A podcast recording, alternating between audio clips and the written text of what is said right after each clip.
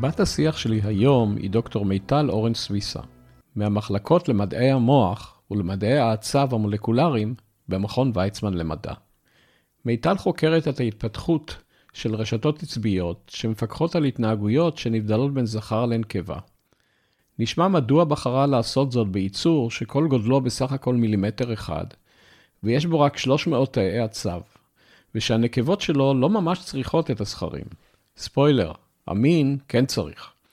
וגם מהי המשמעות של מערכת מודל פשוטה במדעי החיים, והאם באמת היא פשוטה, ומהו ההבדל בין זכר לנקבה בתחושת כאב ובתגובה לו, ואיך מציאת פרטנר מחייבת נטילת סיכונים ממשיים אפילו בתולעים זעירות. נשמע גם איך מיטל מהנדסת במדויק רשתות עצביות, וגם איך התפתחות של מערכת העצבים כוללת בין השאר אובדן של קשרים בין תאי עצב, וגם איך הניסוי הראשון גרם לה להתרגשות שקשה לה לשכוח, ומה היא מאחלת לסטודנטים ולסטודנטיות שהיא מחנכת. שלום לדוקטור מיטל אורן סוויסה. את uh, עוסקת בנושא שהוא מרתק, והוא ההתפתחות של רשתות עצביות שמפקחות על התנהגויות שמבדילות בין זכר לנקבה, ותחום עיסוקייך נע בין uh, הרמה הסינפטית לרמה ההתנהגותית, ואחרי שאני uh, קורא את זה, אני רואה שאת עובדת למעשה על תולעת זעירה uh, שאורכה מילימטר, שיש לה אה, פחות מאלף תאים בגופה, ומתוכם כ-300 תאי עצב. אה, למה? אז שלום ידין, קודם כל, תודה רבה שהזמנת אותי, אני בהחלט נרגשת לדבר איתך. אה, וכן, נכון, אנחנו חוקרים את השפעת המין על מערכת העצבים ועל היווצרות רשתות נוירונליות ואיך זה מתבטא בהתנהגויות שונות, וחיית המודל, ובטח תכף נדבר על מה זה אומר, חיית המודל העיקרית שבה אנחנו משתמשים היא אכן התולעת, או בשמה הלועזי, נגיד אותו פעם אחת, C אלגנס. סיאנורבדיטיס אלגנס, וגם אולי נכון. כדאי להגיד שמקור השם הוא המקלון הנאה, או האלגנטי. נכון, אז, אז התולעת היא אכן חיית המודל העיקרית שלנו. אז מדוע אה, חיית מודל פשוטה כל כך? אז יש המון המון סיבות למה כן להשתמש בחיות שהן פשוטות יותר, ומה, יש גם סיבות כמובן אה, כנגד, אבל מכיוון שהתולעת הזאת היא הפשוטה שזורה היטב בכל הקריירה האקדמית שלי, ניתן להבין שאני בהחלט אה, חושבת שהיא חיה מצוינת. החשוב ביותר לדעתי, קודם כל, היא שהיא מתאימה כמו כפפה ליד לשאלת המחקר אה, שסביבה עוסקת המעבדה שלי, ואני חושבת שזאת השאלה המרכזית בסופו של דבר לבחירת אה, אה, חיית מודל, האם היא עונה או, או משרתת בצורה טובה את שאלת המחקר, ואני חושבת שבמקרה הזה היא מתאימה בהמון המון מישורים שונים. אה, אני רק רוצה להזכיר שלמעשה זה מין שהזכר מיותר בו, זאת אומרת, זה זכר והרמפרודיט. הנקבה היא גם אנדרוגינוס, היא דו-מינית. אז אה, אה, קודם כל, זה נכון, אולי אומר שיש מינים שהזכרים מיותרים בהם, ואני לא אכליל פה, אה, אבל אולי תסבירי. אז זהו, אז נכון. אז אני רוצה לדייק, כי זה לא אומר שהיא דו-מינית. אכן, בזן הספציפי הזה של התולעים, הוא מתקיים בשני מופעים, זכר והרמפרודיטית. ההרמפרודיטית היא אינה בדיוק דו-מינית, ההרמפרודיטיזם, התכונה הזאת מתבטאת בזה שהיא, שהיא מייצרת אמ, באיברי המין שלה היא מייצרת גם ביצים וגם זרע. זאת אומרת שהיא מסוגלת להפרות את עצמה, שזה יתרון אדיר. אה, נשאלת השאלה, כמו שאמרת, למה צריך זכרים? אה, ואכן זאת שאלה מעולה. אה, אנחנו יודעים שצריך כעובדה שהם נוצרים השאלה שלי התייחסה, מיטל, השאלה שלי התייחסה רק לזן הזה, כן, רק, רק כן, למין כן, כן, הזה. כן, כן, אז המין לא, הזה לא, הוא... לא, לא, לא התכוונתי למה צריך זכרים בכלל, אני רוצה שיהיה ברור אה, ומובן לכל. רק חושבת... במין הזה. אז, אז נכון, אז במין הזה, למה אנחנו צריכים זכרים? זאת כמובן שאלה שהיא, שהיא נטועה מיליוני שנים אחורה באבולוציה, אבל הסברה הפשוטה ביותר אה, אה, גורסת שאנחנו, שהזן הזה צריך אה, זכרים בשביל אה, אותה שונות גנטית אה, אה, מדי פעם, כדי שהמין כולו לא ייכחד ישנם מודלים מתמטיים שהם מראים, עושים פרדיקציה מאוד מאוד, ניבוי מאוד מאוד יפה, לכמה דורות צריך לעבור על מנת שזן ייכחד באם אין בו זכרים ולא מוכנסת איזושהי שונות גנטית. אז אני חושבת שההסבר הזה הוא... כמה אגב? הקרוב זה, זה ביותר קורה, להיות נכון. זה קורה די מהר, או שזה עניין של מיליוני שזה, שנים? לא, לא, שזה קורה די מהר, שזן ייכחד אה, ללא שונות גנטית. ללא הרבגוניות הזאת שנוצרת עקב אה, ערבוב המידע הגנטי אה, בין פרטים שונים. אז אה, קודם כל, כבר בהתחלה יש לנו בשורה משמחת, זאת אומרת, צריך זכרים, כי אחרת הזן נכון. מאבד את שלו. אולי לא צריך הרבה, אבל צריך. כן, באמת ב-C אלגנס יש, מה היחס בין זכרים לנקבות באוכלוסיית אז הטבע? אז מעט מאוד, מעט מאוד. ה-natural occurrence, ההופעה הטבעית היא באמת 0.01 אחוז מהצאצאים, אז זה באמת מאוד מאוד נמוך. קשה לנבא האם מה שאנחנו רואים בצלחת או בתנאי הגידול במעבדה באמת משקפים את מה שקורה בטבע. אנחנו יודעים שסביבות אה, שהן אה, סביבות עקה, זאת אומרת מאוד אה, קשות, יוצרות יותר ויותר זכרים. זאת אומרת שיש, אה, שיש, שיש לזה יכול... השפעה. האם את יכולה להבדיל אה, בין הזכר לנקבה בעין, כן, דרך המיקרוסקופ? שאלה טובה. כן, כן, קל מאוד. התולעת, הם נראים מאוד מאוד דומה, מלבד מבנה הזנב של הזכר, שהוא איבר ההזדווגות. דרכו הוא מזדווג עם הנקבה, אז מאוד קל להבחין ביניהם. איפה, אה, הם, איפה הם חיים בטבע? אז התולעים הם חיות על, בתוך פירות רקובים שנמצאים באדמה, הם צריכים סביבה מעט נוזלית. אז בעצם כשאימא אומרת לא להרים פרי רקוב מהאדמה, יש לזה סיבה, אלא אם אתה רוצה להוסיף קצת חלבון לתזונה שלך. אז בדרך כלל מוצאים אותם בפירות מרכיבים שעל, שעל הרצפה. הן מציעות בכל העולם? בכל העולם, בכל כדור הארץ, מוצאים אה, אה, את התולעים, את ה-C אלגנס בצורה ספציפית. אה, בהוואי יש נגיד זן שעבר אדפטציה, שהוא עדיין שייך לאותה, לא, לאותו משפחה, אנחנו יודעים לזהות אותם באמת בכל העולם. בישראל, אגב, עדיין לא הצלחנו למצוא תולעים מקומיות, אבל זה רק בגלל שלא חיפשנו מספיק. ורציתי להוסיף עוד משהו אחד, ש, ש, אז ההרמופרודיטיזם, אמרת דו, דו-מיניים. אז למעשה זה נכון מבחינה הזאת שהיא יכולה להתרבות בעצמה, אבל חשוב לציין אה, שהתכונה הזאת של היכולת להתרבות היא שמורה למערכת המין.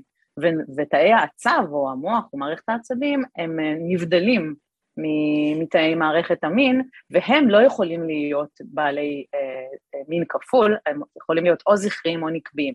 אז מערכת העצבים של התולעת היא או זכרית או נקבית. תכף נדבר על זה, אבל הייתי מבקש להבין עוד, אם כך, מדוע C אלגנס מתאימה מאוד לצורכי המחקר שלך? נכון, אז באמת התחלנו לדבר על זה, ואמרתי, אמרת שהיא פשוטה, היא פשוטה מבחינת כמות התאים, היא שקופה, יש לה מעט מאוד תאים בהשוואה לאורגניזמים אחרים, בסך הכל, כמו שציינת, אלף תאים, ורק 300 uh, אה, במערכת העצבים, שזה אגב אומר שזה שליש מהגוף שלה. זאת אומרת שמערכת העצבים מקבלת משקל מאוד מאוד uh, נכבד. ליד הפשטות הזאת צריך לזכור שני דברים. היא חיה מאוד מורכבת מבחינת ההתנהגויות שלה. יש חיות שיש להן סדרי גודל יותר טעים ואינן מסוגלות לייצר התנהגויות כל כך מורכבות.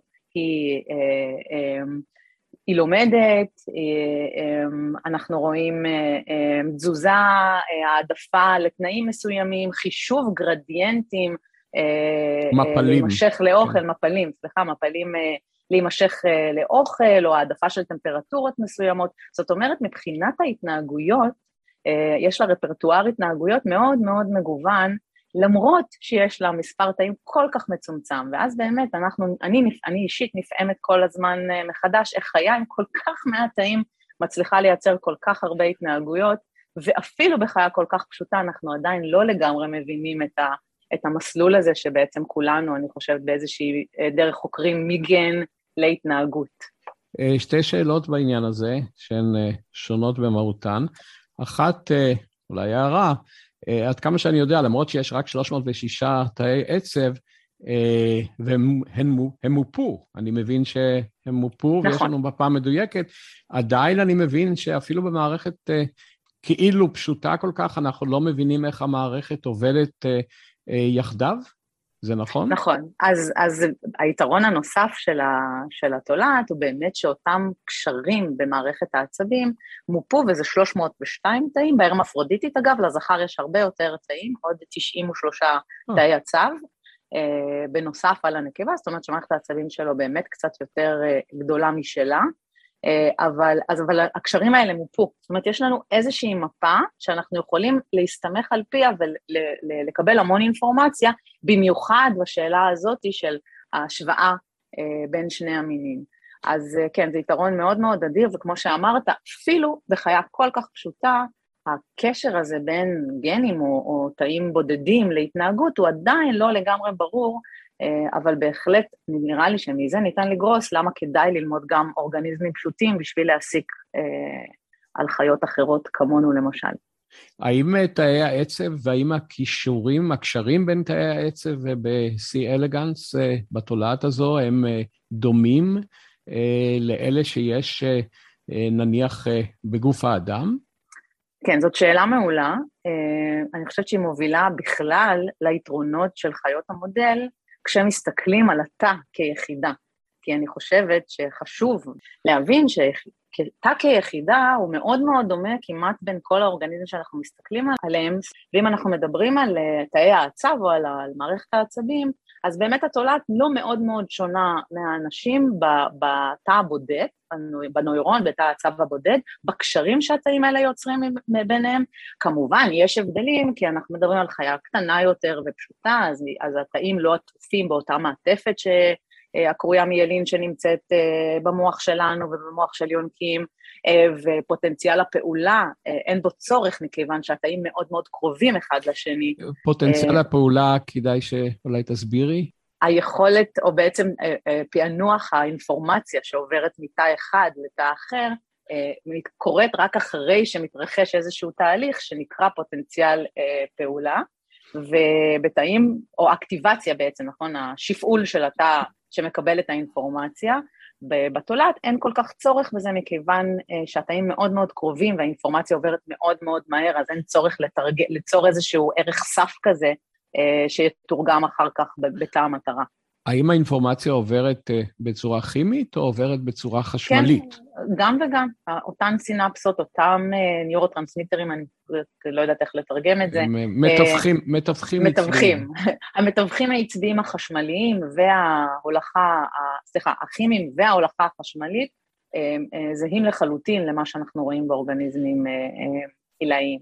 יש לציין גם ש-80% מהחלבונים של התולעת שמורים לבני אדם.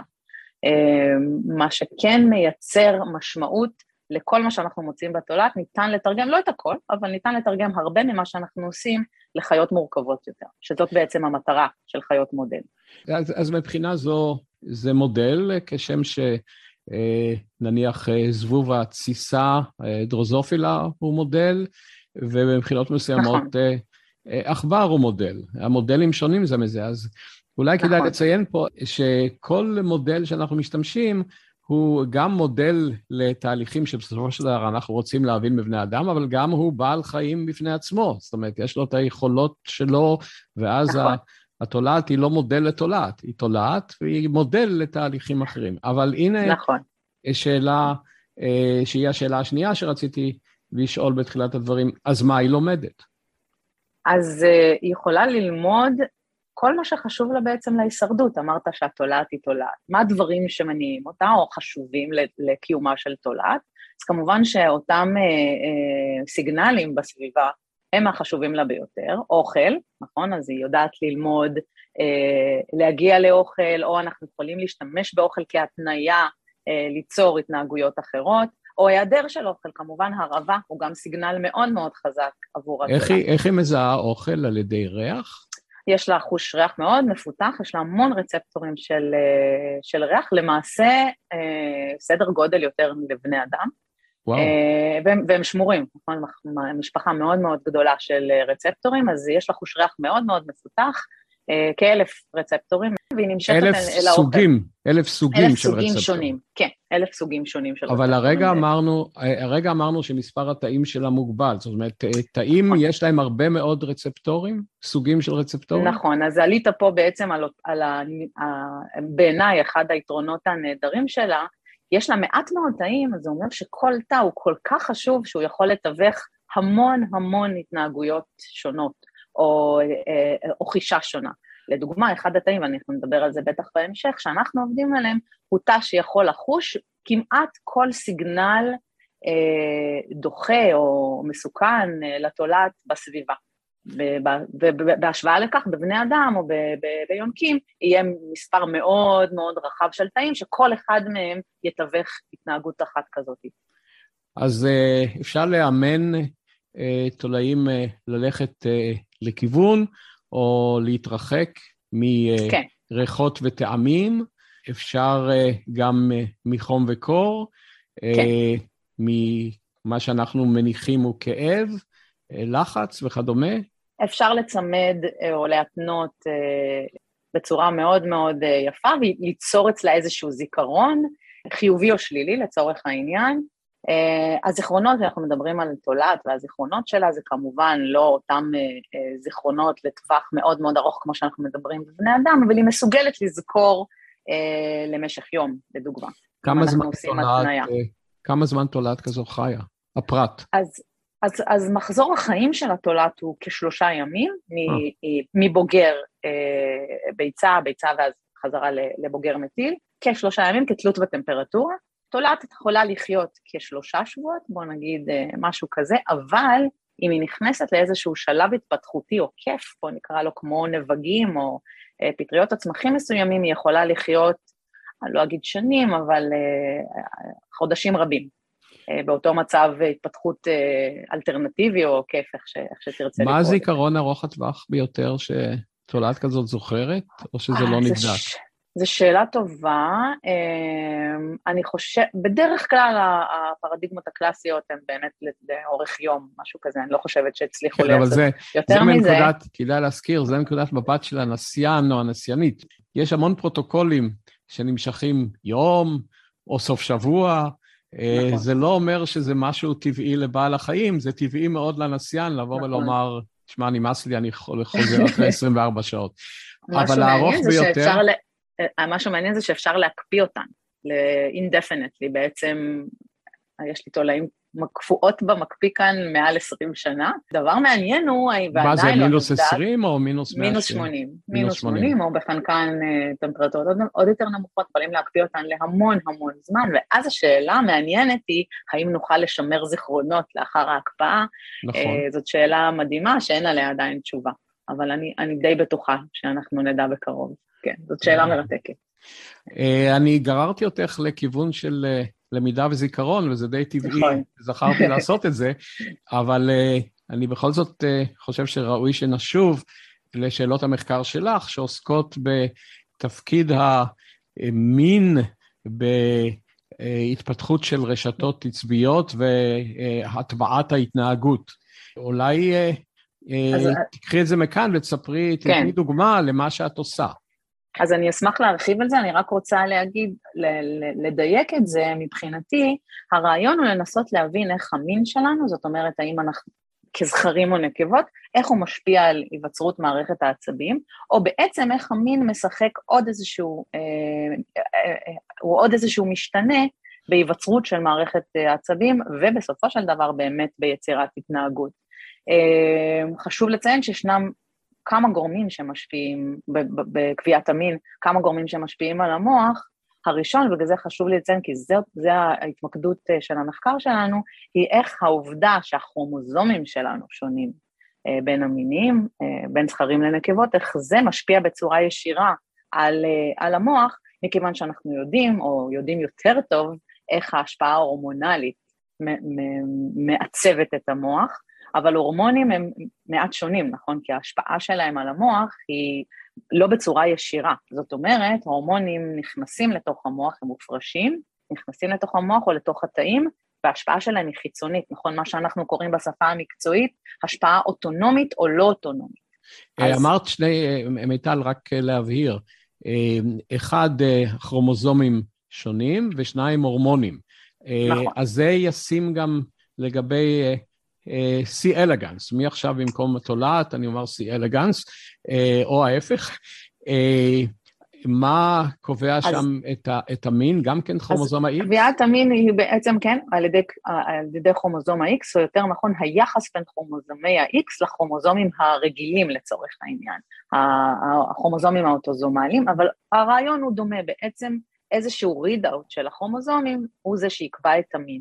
בשונה מבני אדם, כאן כמעט בתולעים כמעט אין תלות באותם סיגנלים חיצוניים שקראנו להם ההורמונים, אה, מה שמאוד מאוד ממקד את המחקר שלנו לכיוון מסוים שממש קשה לחקור אותו אה, באורגניזמים אחרים, שאנחנו יודעים שיש השפעה מאוד מרכזית לאותם הורמונים. אין אה, כרומוזום מקביל ל-Y ב- נכון, ב-CLS. נכון, זאת אומרת, נכון. קביעת המין היא על ידי מספר כרומוזומי ה-X? נכון. מספר כרומוזום, היחס בין מספר כרומוזומי ה-X לכרומוזומים האוטוזומיים, זה מה שקובע את, ה, את המין. אז X זירו אה, מה זה? נכון, זה הזכר. לנקבה יש שני כרומוזומי X ולזכר יש כרומוזום X1. נכון.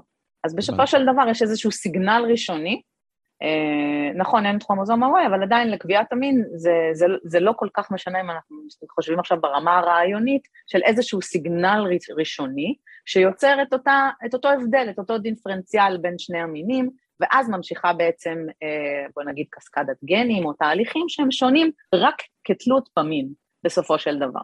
אז אה, את, לפי מה שאת אמרת, אחד הדברים הנוספים שהופך את המערכת הפשוטה לנוחה במקרה הזה, היא העובדה שאת מורידה מעטפת של סיבוכיות אה, הורמונלית, כי אה, נכון, להם אין נכון. את המעטפת הזו, אין בכלל או יש מעט? זאת אומרת, יש להם הורמונים, לא כל כך ברור שקביעת המין היא, זאת אומרת, אני אגיד את זה הפוך, אנחנו יודעים שקביעת המין היא כמעט כולה מתבססת אה, על אותו הבדל כרומוזומלי, או בעצם כל קביעת המין מתבצעת בצורה אוטונומית. אתה לא צריך את אותם סיגנלים חיצוניים אה, כדי להיות שונה בין זכרים לנקבות. אז בעצם ניטרלנו את אותה השפעה הורמונלית, ואנחנו יכולים באמת להתמקד בשאלה הזאת, האם תא, שהוא מזכר או נקבה, שונה בצורה מהותית, אנחנו מנסים להבין איך הוא שונה, ואיך השוני הזה משפיע, כמו שאמרתי, על יצירת קשרים בין תאים, על רשתות ואז על התנהגות. ואפשר באמת לדבר על דוגמה ספציפית, נראה לי, בשביל להעביר את, ה, את, ה, את הרעיון.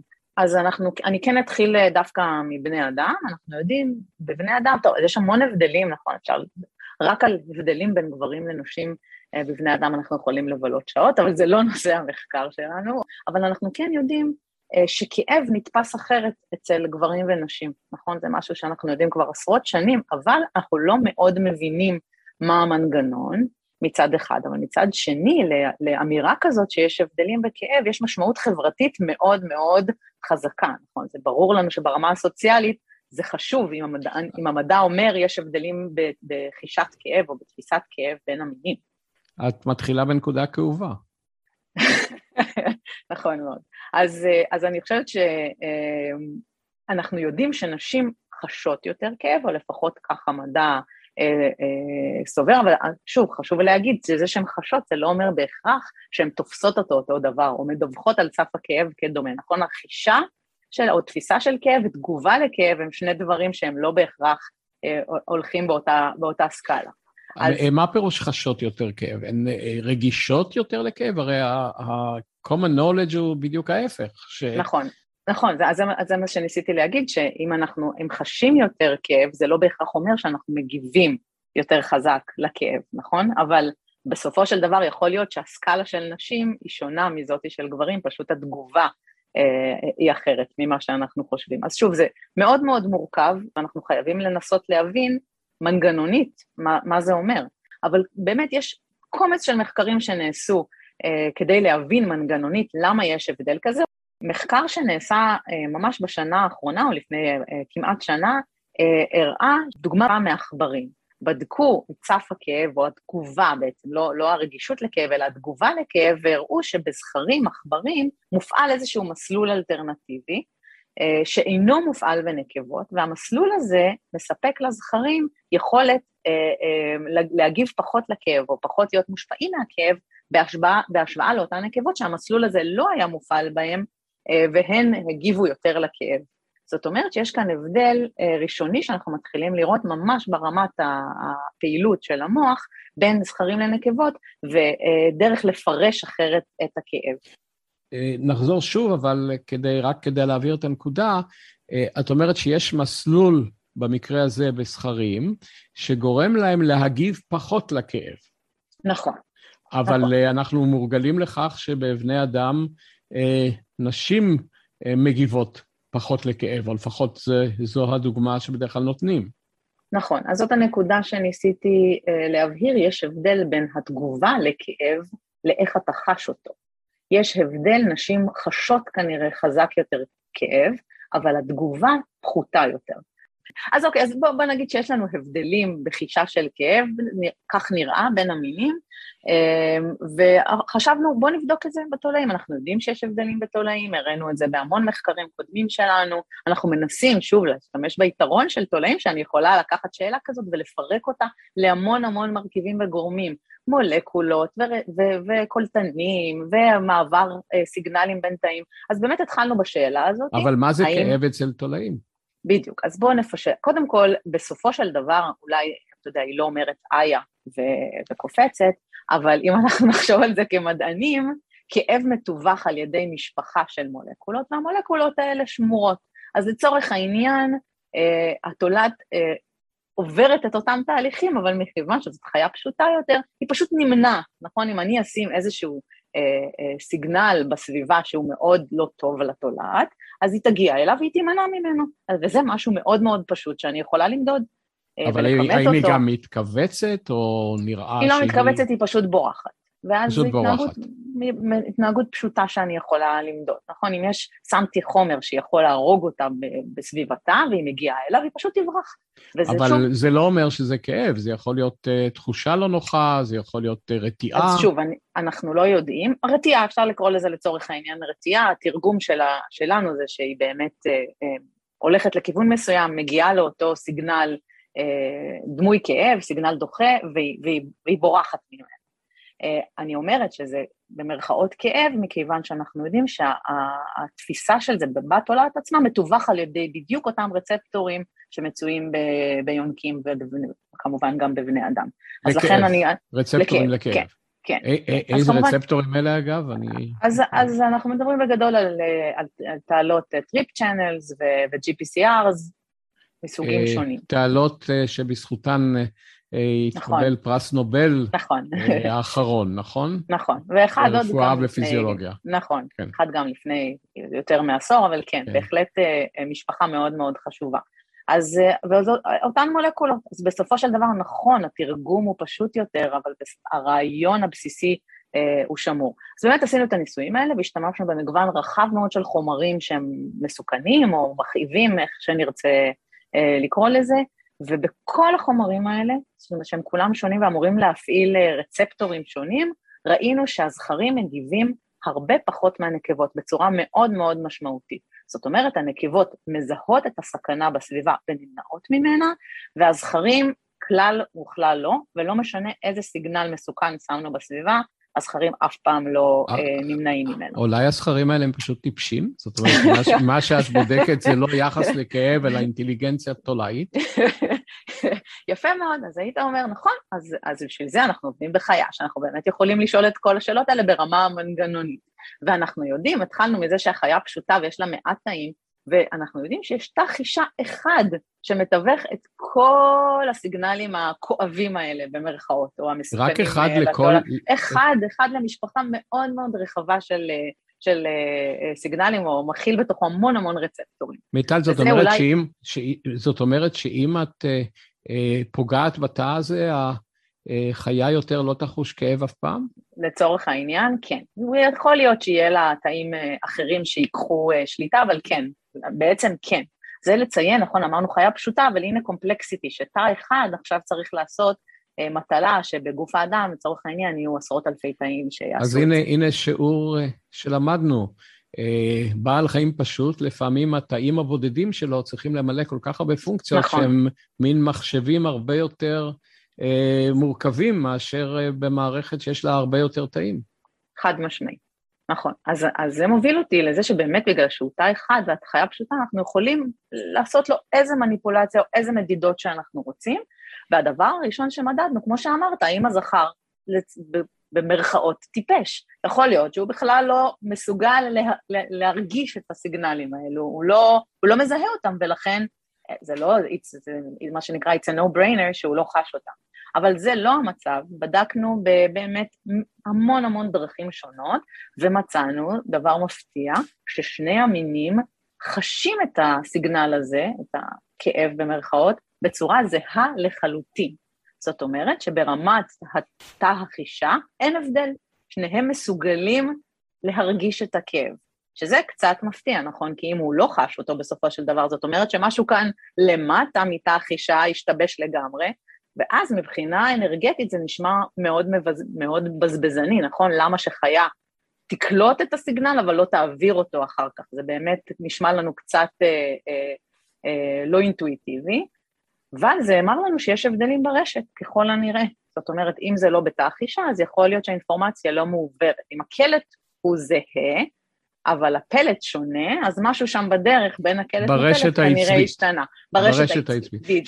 שבתולעת, שבתולעת היא מבוזרת על פני כל הגוף, אני מניח שאין לה אה, מוחות? לא, אז, אז זה נכון שאין לו מוח, אבל יש לה מערכת עצבים מרכזית, לכן אגב היא מסוגלת כן ל, ל, להתנהג בצורה יחסית קומפלקס, בהשוואה לאורגניזמים אחרים. זה נכון שאין מוח ואין לנו קליפת מוח, אבל כן יש את אותם גנגליונים שהם הצורה היותר פרימיטיבית אה, לפני שנוצר המוח. זאת אומרת שיש כן הריכוז של אינפורמציה במערכת עצבים מרכזית. אה, אוקיי, אז ראינו שיש הבדלים ברשת, וה, והרשתות הן יחסית פשוטות, כמו שאמרנו, כי יש בסך הכל 300 תאים, ומכיוון שכמו שאמרת בהתחלה, יש לנו את המפות, אז באמת יכלנו להשוות מאוד מאוד יפה בין הזכר לנקבה. וראינו שאכן יש קצת הבדלים באותה רשת בזכר, ולאותה רשת בנקבה, לא המון, זאת אומרת, סך הכל זה אותו מעגל, חשוב לציין, אבל ראינו שיש מעט הבדלים. ומכיוון שהיו כמה וכמה כאלה, לא ידענו להגיד אילו מהם הם החשובים. רצינו לייצר איזושהי הבנה יותר עמוקה ולכן בשלב הזה של המחקר אה, החלטנו לשתף פעולה עם אה, מדען נפלא מהמחלקה שלנו, ששמו אלעד אה, שניידמן. אלעד הוא תיאורטיקן והוא משתמש במתמטיקה ובמודלים מתמטיים לייצר אולי הבנה של רשתות מאוד מורכבות, שזה לא המקרה כאן, כי כאן בעצם הרשת היא פשוטה יותר, אבל עדיין היה צורך באיזושהי, באיזשהו מודל בשביל לנסות לנבא איזה קשרים מהקשרים שראינו הם החשובים ליצירת ההתנהגות. אה, אז זה מה שאלעד עשה, יש לנו סטודנטית משותפת, והיא אה, באמת בנתה מודל של אותה הרשת, בזכר ובנקבה. אה, היא הצליחה לנבא מאוד מאוד יפה את ההבדלים בין המינים בעזרת המודל, ואז היא יכלה בעצם להתחיל לשחק, נכון? אפשר לקרוא למערכת הזאת, בעצם להשוות אותה למערכת עם מתגים, יכלנו עכשיו להתחיל לסובב מתגים בודדים ולנסות להבין איזה מהם חשוב להתנהגות. שבסך הכל, אם אנחנו חושבים על הבנה של מערכות מורכבות יותר, יש כאן חשיבות מאוד גדולה ליצור מודל כזה, שאני יכולה לייצר תחזיות לקשרים מסוימים שיהיו חשובים להתנהגות, ואז ללכת במעבדה, לבדוק את אותן תחזיות ולראות האם צדקנו או לא. אז אני חושבת שזו דוגמה מאוד מאוד יפה לאותם עולמות שונים שמרכיבים את uh, עולם הנוירוביולוגיה היום, ואיך ממודלים מתמטיים אנחנו יכולים באמת ללמוד דברים אמיתיים על מערכת העצבים. ומצאתם באמת הבדלים בתוך הרשת. אז גל, לא רק מצאנו הבדלים, גל ידעה להגיד מהם ההבדלים החשובים, ידעה להגיד איזה הבדלים, איזה קשרים חשובים מאוד בנקבה בשביל שתהיה לה את ההתנהגות, אבל בעיניי אולי קצת יותר חשוב, איזה קשרים חסרים בזכר, והאם אה, נוכל להוסיף קשרים מסוימים בשביל כן ליצור אצלו את אותה תגובה לכאב. ואחרי שגל הסטודנטית עשתה את הניבוי הזה, באמת הלכנו ובדקנו והגענו אה, לפרדיקציה, לקשר אחד בודד בין שני תאים, וסטודנטית אחרת במעבדה, לאדה, פשוט הוסיפה קשר, זה נשמע קצת מדע בדיוני, אבל... איך מוסיפים קשר?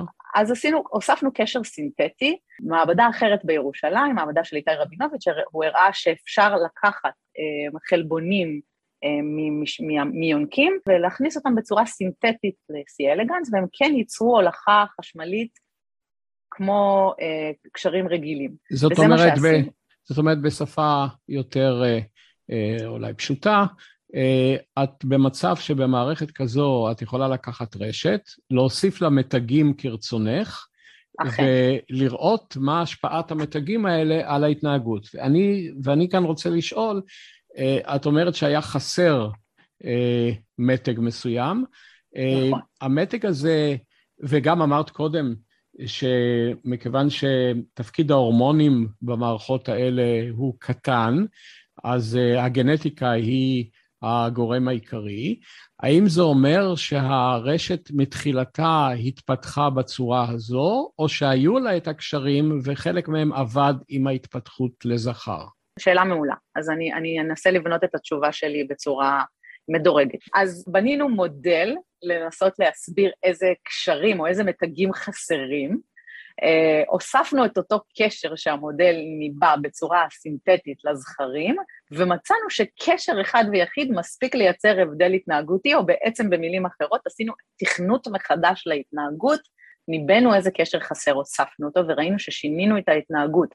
ובאמת זאת הייתה שאלה אה, מאוד בסיסית שניסינו להבין, מה המטרה של זה שבזכר יש פחות מתגים?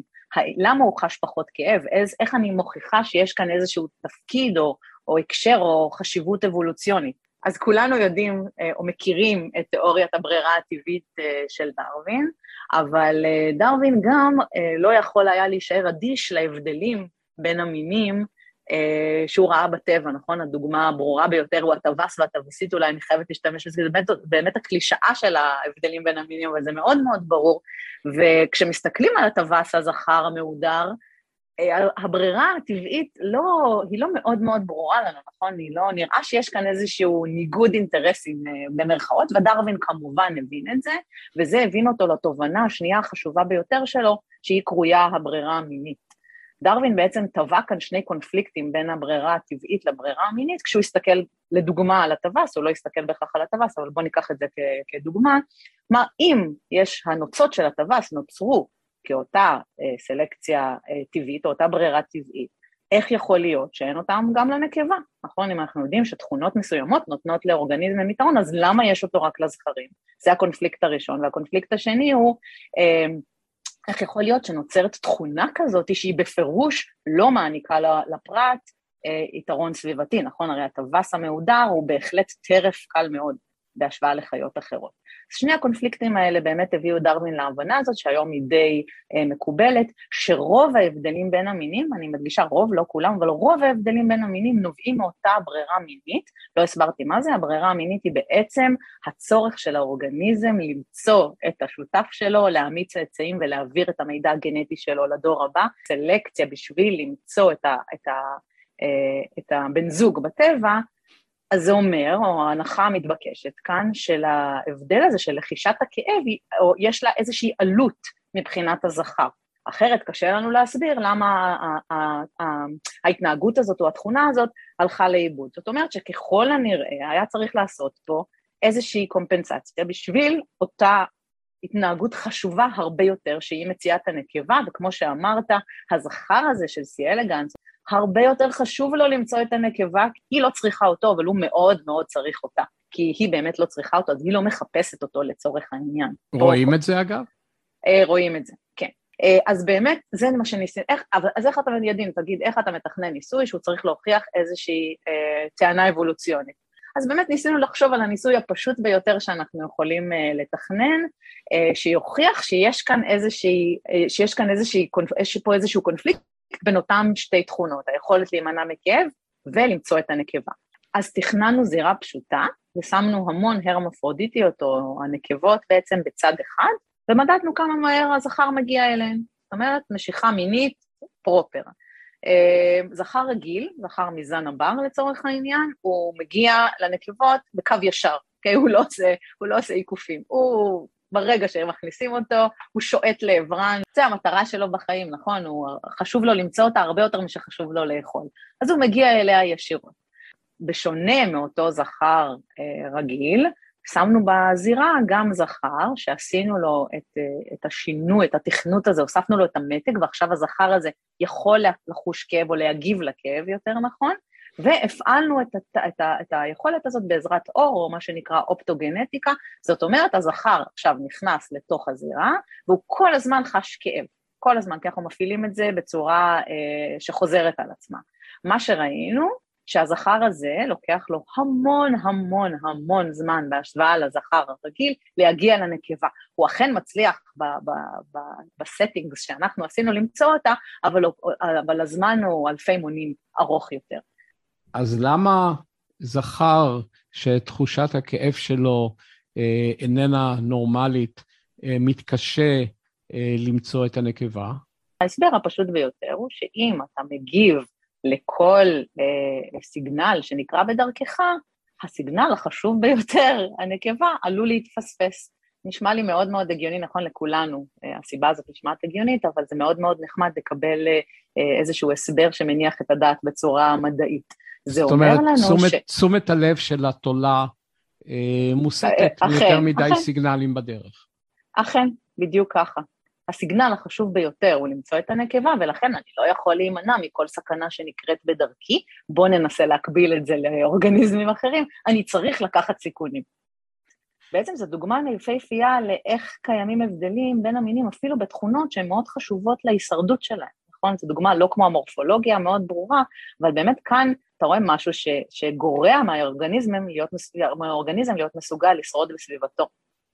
אני מבקש לחזור שנייה אה, לשאלה של אה, מתי השינוי הזה קורה במערכת העצבים אה, של הזכר?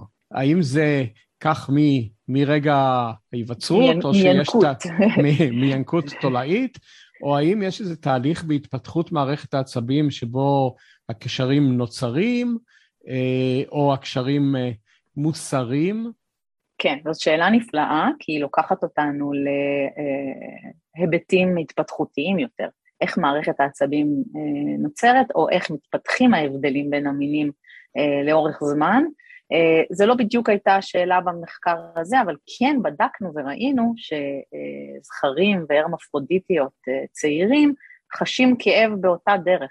זאת אומרת שמשהו קורה במהלך ההתפתחות סביב הבגרות המינית, זה מה שאנחנו משערים, כמו שרמזת בשינוי בקשרים, שגורם לכך שבבוגר יש לנו הבדלים כל כך דרמטיים גם ברשת וגם בהתנהגות. השינוי הוא תוספת של קשרים או הסרה של קשרים? בסופו של דבר אנחנו מקבלים הבדל בקשרים, כמו שאנחנו ראינו, על ידי, בעיקר, לא רק, אבל בעיקר על ידי הסרה של קשרים. זאת אומרת, ראינו שיש הסרה מאוד ספציפית של קשרים במין אחד ולא במין השני, בצורה מעורבת אגב, לפעמים בנקבה ולפעמים בזכר, וכך מקבלים את אותה קישוריות מוזאיקית אה, בחיה הבוגרת. זאת אומרת, האם אפשר להסיק מפה שמערכת העצבים של שני המינים בתחילתה היא בעלת פוטנציאל להתפתח לכל מין שהוא, אה, ויש בה יותר אינפורמציה מאשר אה, אה, הנדרשת אה, לאחד המינים? כן, אנחנו רואים שהחיה הצעירה, ברמות רבות, אנחנו יכולים לבדוק את זה מולקולרית, אנחנו עושים את זה בכל מיני רמות, היא אה, לצורך העניין א-מינית, זאת אומרת, אין המון הבדלים בחיות הצעירות בין, שני, בין זכרים לנקבות, ויש הרבה יותר קשרים מהקשרים שיהיו בסוף ההתפתחות. וחלק מהקשרים האלה מוסרים כתלות במין. ההסרה של הקשרים האלה, אם ככה, היא גם כן חלק מהתוכנית הגנטית, או שהיא מושפעת מן הסביבה? אנחנו, זאת אומרת, עוד לא הראינו אה, השפעה סביבתית, ניתן להראות שבתנאים מסוימים חלק מהקשרים אינם מוסרים, אך ככל שידוע לי, וכך המחקרים שלנו מצביעים, ההסרה הזאת של הקשרים היא כן אה, מקודדת בגנום של החיה. ניתן במקרים מסוימים על ידי באמת, כמו שאמרת, השפעה סביבתית, לגרום לכך שהם לא יהיו מוסרים, אך ההסרה שלהם היא כן מקודדת בגנום של החיה. אה, אם, אם חושבים על זה, האם זה אומר שמערכת העצבים אה, כוללת בתוכה בתחילת דרכה אינפורמציה שהיא מיותרת? האם זה לא תשלום אה, אנרגטי, תשלום אה, שאנחנו משלמים אה, עבור היכולת להשתנות? אז זאת שאלה מצוינת, ואני חושבת שהיא פילוסופית, אפשר להשליך אותה להמון דברים אחרים, כי, כי באותו מטבע תוכל להגיד, אז למה הזכר חש את ההתנהגות אם הוא בסופו של דבר לא מגיב? נכון? גם זה נשמע מאוד מאוד בזבזני, אבל אם אתה חושב, קודם כל כנראה שהתכנון, אנחנו לא מבינים אותו, הוא כנראה לא בזבזני, אנחנו פשוט לא מבינים אותו עד הסוף. במקרה של הזכר, נגיד, מאוד קל לי לנסות לעשות לזה רציונליזציה, על ידי זה שאנחנו יודעים שאפשר, הרבה יותר קל להוסיף קשר כמו שהראיתי, ולשנות התנהגות, אבל הרבה יותר קשה לשנות את החישה. זאת אומרת שכנראה שהחישה הזאת שמה, במרכאות מבוזבזת, אבל היא כנראה נכנסת לפעולה בתנאים סביבתיים מסוימים. אותו דבר כנראה שליצור הרבה קשרים בשביל להסיר אותם אחרי זה נותן למערכת יותר גמישות, ככה אני לפחות אה, מפרשת את זה. יש לך היום ניסיון, שתכף אנחנו ניכנס לתוכו קצת, של שנים רבות במערכת הזאת, ובתחילת הדרך אמרנו אה, שיש ערך רב לשימוש אה, במערכת אה, מודל, כפי שזה נקרא, פשוטה, וגם הראת למה, דוגמאות מדוע, ובאמת הגישה הרדוקציונית היא הגישה שדחפה את מדעי החיים בצורה בלתי רגילה כבר דורות אחדים. אילולא הגישה הזו לא היינו מבינים עד היום אולי, למשל, את הקוד הגנטי בצורה שאנחנו מבינים אותו, אבל אה, אחרי אה, כך וכך שנים של עיסוק, מה מידת היכולת שלך אה, להכליל דוגמאות כאלה שנתת עכשיו למינים מתקדמים יותר? אני חושבת שכמעט בכל דבר שאנחנו עושים, הרלוונטיזציה או החיוניות לבני אדם או ההשלכה עלינו, אלינו היא, היא ברורה. אני אתן דוגמה ממחקר אחר, ממש בקצרה. מצאנו איזושהי פעילות באותה הסרה סלקטיבית של סינפסות לקולטן שהוא שמור מתולעים לזבובים, לעכברים ולבני אדם. ותיארנו מנגנון מאוד מאוד ייחודי. אגב, לאיך... מה הקולטן? למה הוא? Uh, DCC, ראשי תיבות של Deleted in Colorectal Cancer, אבל כן. ככה הוא נתגלה, ולכן השם כן. שלו. זאת אומרת, הוא התגלה בסרטן. יודעים... הוא התגלה... נכון, הוא התגלה בסרטן, אבל אחרי זה הבינו שה... שהוא מאוד מרכזי בהמון תהליכים uh, uh, במוח. אז הנה דוגמה לקולטן מאוד מאוד, או בוא נגיד חלבון מאוד פשוט, ששמור לחלוטין uh, באבולוציה. גילינו, רק בגלל שהצלחנו לעשות מחקר בחיה פשוטה, מנגנון מאוד נרחב של בקרה על הקולטן הזה, אה, שלא, ידע, שלא היה ידוע לפני זה, ומצאנו, עכשיו אנחנו בעצם אומרים, אוקיי, מצאנו את זה בתולעים, האם זה רלוונטי לבני אדם? וזה מה שאנחנו מראים עכשיו. חד משמעית אינפורמציה חדשה שלא הייתה לנו לפני זה, נתגלתה רק בגלל שעבדנו על חיה פשוטה, ששם יכלנו להגיע לתובנות האלה בקלות, ועכשיו גם אנחנו באמת לוקחים את המחקר הזה הלאה, ו... ומסתכלים על מה קורה בקולטן הזה כשהוא משתבש בבני אדם.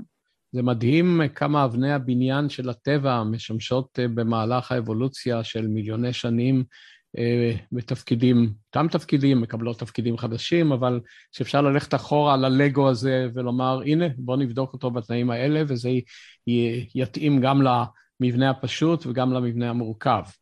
זה מרתק כל פעם מחדש, נכון.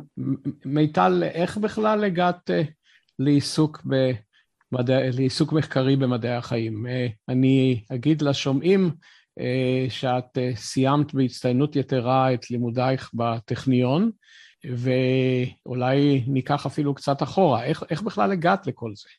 תמיד הייתי ילדה שנמשכה ל... נגיד אה, בעגה חננה קצת, מאוד אהבתי מדעים, אהבתי עולם מסודר. איפה למדת?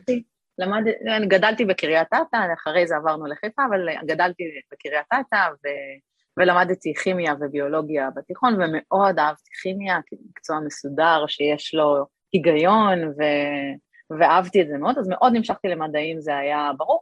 בהתחלה אגלה שרציתי להיות רופאה, אבל אני מאוד שמחה ששיניתי את ההחלטה הזאת בזמן אה, מתי שינית אותה? אני מאוד אוהבת, אה, בתואר הראשון, לקראת התואר הראשון. אה, אז באמת התחלתי מלימודי הכימיה. למדתי ביוכימיה בפקולטה לכימיה בטכניון, והבנתי מהר מאוד שאני מאוד אוהבת את הכימיה, אבל הביולוגיה, הכימיה הוא כלי בעיניי, כמובן, אני לא רוצה להעליב פה אף אחד, להבין דברים או תהליכים בגוף שלנו, ונמשכתי ממש מיידית לביולוגיה, ואת התואר השני והשלישי שלי עשיתי בפקולטה לביולוגיה בטכניון, אה, ושם גם, אני חושבת שבאמת בתחילת הדרך המחקרית הבנתי שאני ביולוגית ניסיונאית, אקספרימנטליסטית, מה שנקרא. אני זוכרת את הניסוי הראשון שלי של לשים משהו במבחנה, ושוב, זה גם, התחלתי מיד בתולעים והתאהבתי בהם ונשארתי, ואתה יודע, תוך יומיים שלושה אתה רואה משהו, אתה פתאום, אתה עושה משהו במבחנה, ואז אתה רואה את התהליך שעשית, וזה היה בעיניי אה, ממש רגע, אני, אתה יודע, זה נשמע קלישאתי, אבל זה היה רגע מכונן. מה הניסוי הראשון באמת שעשית אי פעם? אז אני מניח שזה היה כסטודנטית במעבדה, או שזה... כן, כסטודנטית במעבדה של, אה, של בני פודבילביץ', שלימים היה המנחה שלי. אה, מה, הניסוי הראשון היה להוכיח... סליחה, ואיזה תואר זה היה? זה היה בתחילת התואר השני, ממש בתחילתו, אפילו עוד לפני, בפרויקט שעשיתי לקראת התואר השני. ו... השומעים אולי שומעים מן הכל, אבל אני גם רואה שאת די נרגשת להיזכר נכון. בזה. נכון. אז בואי תספרי על הניסוי הראשון אני, בקצרה. אני באמת ממש זוכרת את זה. הרעיון היה, בני חוקר אה, איחוי של תאים, לדוגמה ביצית וזרע, זה תאים שעוברים איחוי, השלייה שלנו זה האיבר המאוחה הגדול ביותר, השרירים שלנו, תהליך אה, ביולוגי מאוד מאוד בסיסי, ובני מצא גן מסוים בתולעים ש, שחשוב לאיחוי, אבל, אז הוא ידע שהוא חשוב כי הוא הוריד אותו, זאת אומרת, עשה מוטציה בגן והראה שתאים לא מתאחים, אבל היה חסר הצד השני של המטבע, האם הגן הזה אה, אה, חיוני, האם לשים אותו לבד באיזשהו אה, תא יגרום לתא להתאחות. האם הוא מספיק? זאת אומרת, האם, אתה יודע, אתה מדליק עכשיו את. האם הוא הגפרור שנחוץ בשביל אה, להצית את האש בתהליך הזה?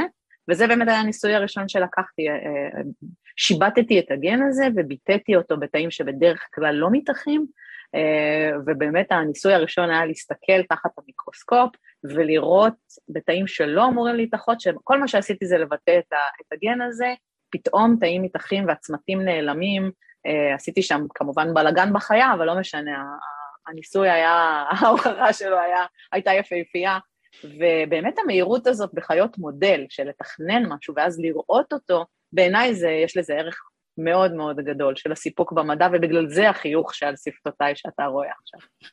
אחרי שסיימתי את הדוקטורט, אה, נסעתי לעשות אה, אה, פוסט-דוקטורט באוניברסיטת קולומביה, ושם בעצם התחלתי את המחקר הראשוני על, על ההבדלים בין המינים, ואז חזרתי למכון ויצמן לפני כארבע שנים.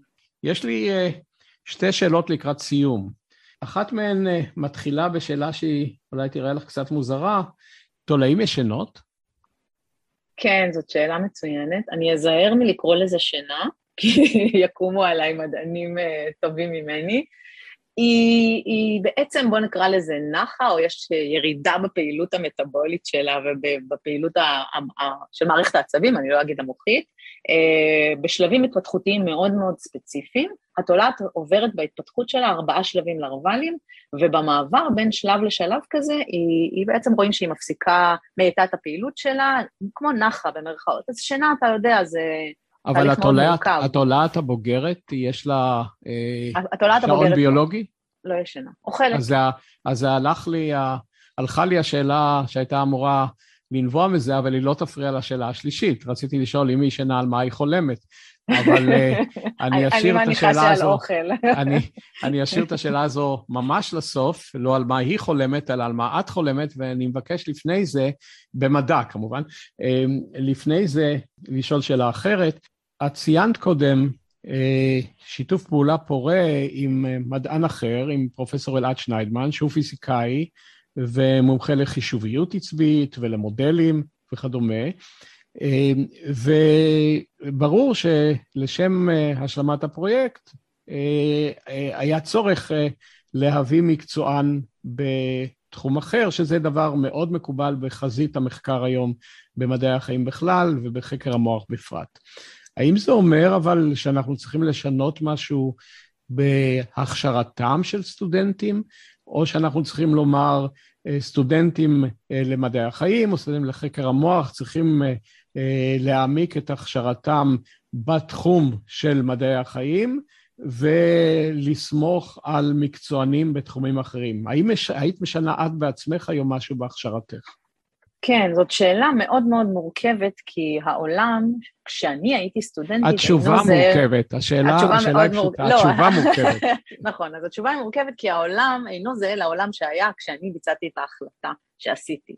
אני חושבת שיש חשיבות עליונה למדענים שהם חזקים בתחומם ומשתפים פעולה בשביל ליצור תוצר חדש, כן? זה, לדעתי אין לזה תחליף. אני לא יכולה להיות הביולוגית הכי טובה והמתמטיקאית והפיזיקאית והבונת מודלים הכי טובה, זה, זה בלתי אפשרי, אנחנו עדיין לא שם. אולי עוד 50 שנה שנוכל להוסיף את המתגים כמו לתולעת לכולנו, יכול להיות. אבל אז, אז, אז באספקט הזה אני חושבת שאין לזה, לזה תחליף בקידום המדע באמת מהר מאוד קדימה. אבל אני חושבת שאם מיטל של היום הייתה אה, הולכת ללמוד, כן הייתי ממליצה לה, אה, בסופו של דבר אתה רוצה לדעת לדבר בשפה זהה, גם אם אינך מבין לעומק את, אה, את מה שעושה אה, משתף הפעולה שלך. אז כן הייתי ממליצה למיטל להתמקצע באותם אה, כיוונים חישוביים, מתמטיים, כדי שיהיה לי את אותה שפה בקלות לדבר ולהבין מה, מה, מה הדברים שחסרים לי. אני עושה את זה עכשיו כמובן, אבל מה לעשות, המוח של בת 40 אינו זה לזאתי של בת ה-20. זאת אומרת, אני חושבת שזאת את, התשובה. את מתכוונת לרכישת, לרכישת אוריינות שתספיק כדי לשתף של... פעולה נכון. כן, למדענים זה יותר מאוריינות, כן, קורסים בסיסיים, אבל אני לא חושבת שניתן לייצר, קש...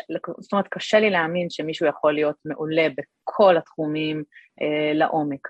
ומיטל של אז, כמו שראית, שהייתה מונעת מאוד מסקרנות, היה לזה ערך, אני חושבת, אה, עליון. בסופו של דבר, מוטיבציה מנצחת הכל בעיניי. אה, ואת כל מה שחסר לך אתה תשלים בדרך. לשיתופי הפעולה יש חשיבות מאוד מכרעת, כי יש יתרון לשני מוחות שחושבים על בעיה ולא למוח אחד. לסיום, מה החלום המדעי שלך בשלב הזה, שהוא אה, שלב מצד אחד עם הרבה מאוד ניסיון, ומצד שני כל החיים לפנייך? אז אה, אני אולי אהיה יותר כללית. אני מאחלת לעצמי, אולי לא יהיה חלום, אולי מאחלת. כן להמשיך אה, לעשות את מה שאני אוהבת, בסוף לדעתי מדע שהוא מונע סקרנות, אין לו תחליף באמת. ואני מאחלת שאצליח להטמיע את המוטיבציה והנחישות הזאת בדור הסטודנטים שלי, שהוא דור המדענים הבא, כי אתה יודע, את האנשים שאתה מחנך להיות המדענים של, של ה-10 ו-20 שנה הקרובות, לזה יש ערך מאוד מאוד חזק. אז שנמשיך לעשות את מה שאנחנו אוהבים במדע, אה, ולהיות מונעים מסקרנות, ולחנך את הדור הבא של מדענים, שהוא זה שיהיה מונע מסקרנות לתובנות ולתגליות של ה-10, 20, 30 שנה הקרובות. אה, מיטל, אני מאוד מודה לך. המון תודה. תודה רבה, ידין, היה לי לעונג.